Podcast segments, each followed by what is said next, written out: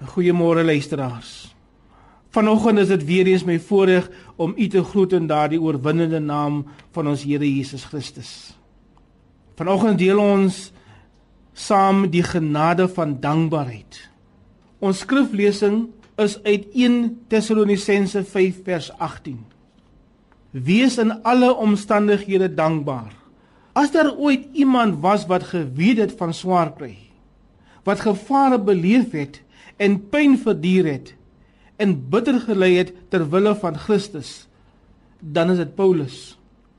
Paulus het nie God gedank vir materiële dinge nie of eiendom of oorvloed nie.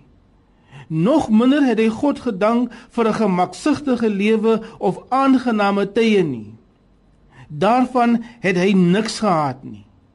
In plaas daarvan is daar vir hom 'n doring in die vlees gegee, 'n straf boonop wat hom dag en nag gekastei het.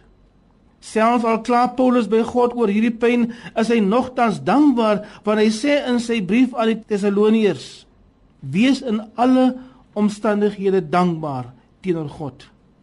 Hoe dikwels murmureer ons teenoor God vir elke onheil wat ons tref. Wat die huishouding getref het. 'n Seun of dogter wat lyk of hy of sy die pad byster geraak het en nie wil luister nie. 'n probleem by die werkplek wat nie opgelos kan word nie. 'n man of vrou wat vergeet het van hom of haar plek in die huis. Vanoggend wil die Here ons kom leer deur Paulus om dankbaar te wees in alle omstandighede. Ons weet dat omstandighede nooit dieselfde is nie en dat dit ook nooit altyd aangenaam is nie. Maar ten spyte hiervan sê Paulus: "Wees dankbaar."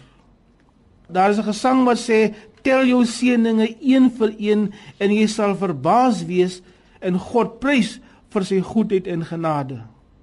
Om dankbaar te wees is 'n genade wat jy met ander moet deel want dit is 'n opdrag van die Here.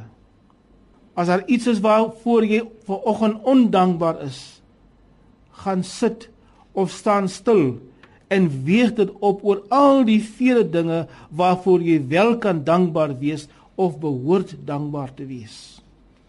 Here, neem weg in ons die klaagliedere, die murmureringe oor dinge in ons lewens wat ons ontevrede maak.